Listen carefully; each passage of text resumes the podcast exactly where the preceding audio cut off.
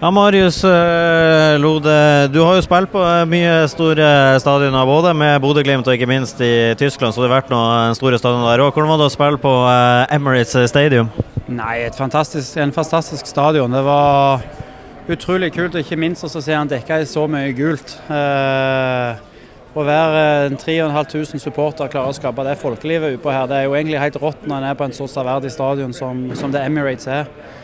Eh, så er det jo egentlig det er jo sykt kult å kunne spille sånne kamper som dette her på fantastiske forhold. Grasmatta her er jo som eh, så flat og god som den beste kunstgressbanen. Så bare her får du, kjenner du at du har graslukt og at eh, du får litt grønske på buksa, så det er bare gøy.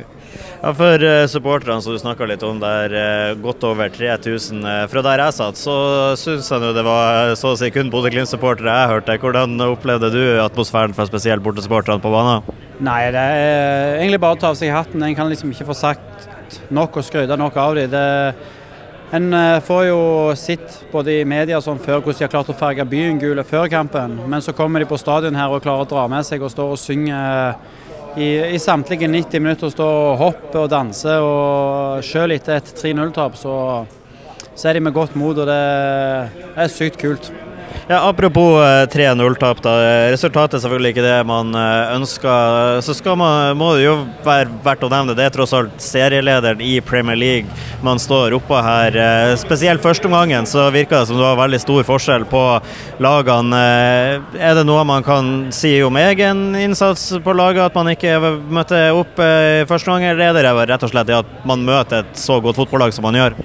Nei, det er som du sier på en måte. De er jo et lag som har vært eh, veldig gode så langt i år. De toppner Premier League og har levert veldig fine fotball til tider. Men eh, jeg syns det er litt sammensatt. Vi blir litt, eh, litt feige og passive i mange situasjoner. Både i, i duellspillet og i forflytningene våre når vi skal opp og kan få satt inn press på ballfører, så de får lov til å styre oss litt sånn som de vil.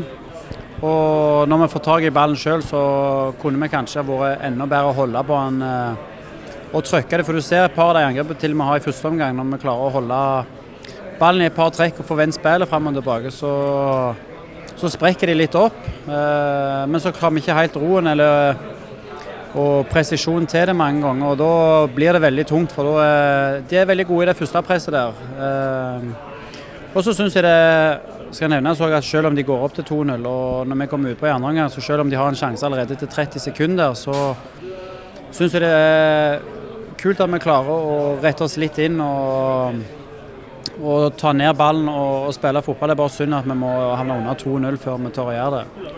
Ja, altså Etter den andre omgangen her, eh, Første omgangen trenger man jo ikke å snakke om, det var litt så som så. Men andre omgangen så er jo Bodø-Glimt vel på høyde med Arsenal, vil jeg si. Og man må jo sitte igjen litt med at Én ting er resultatet ble som det, men man, man er jo litt skuffa over at ikke man fikk med seg scoring her, da, for det var nært. Ja, det var det. Ja, det var det. Og det sier, det viser jo på en måte hva som bor i oss når vi først uh, får satt press. Du ser de blir uh, en periode på 20 minutter, med 20-25, vet ikke hvor lang tid det går før der vi har mange fine brudd. de begynner å stresse, slå ballen utover sidelinja.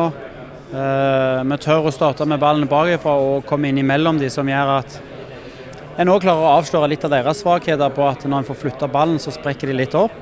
Så er det selvfølgelig litt synd at vi ikke helt klarer å å dra dem inn til en skåring. For uh, da jeg tror det kunne fort ha blitt en litt annen kamp. Og så gjør jo de et, et trippelbytte der med å sette innpå på startspillerne sine som uh, Og det må vi egentlig òg bare ta med som en positiv ting, for det viser jo litt at uh, de måtte gjøre bytte fordi at de merka sjøl at de hang kanskje litt i stroppene. og da må de innpå med tungskytset på slutten der.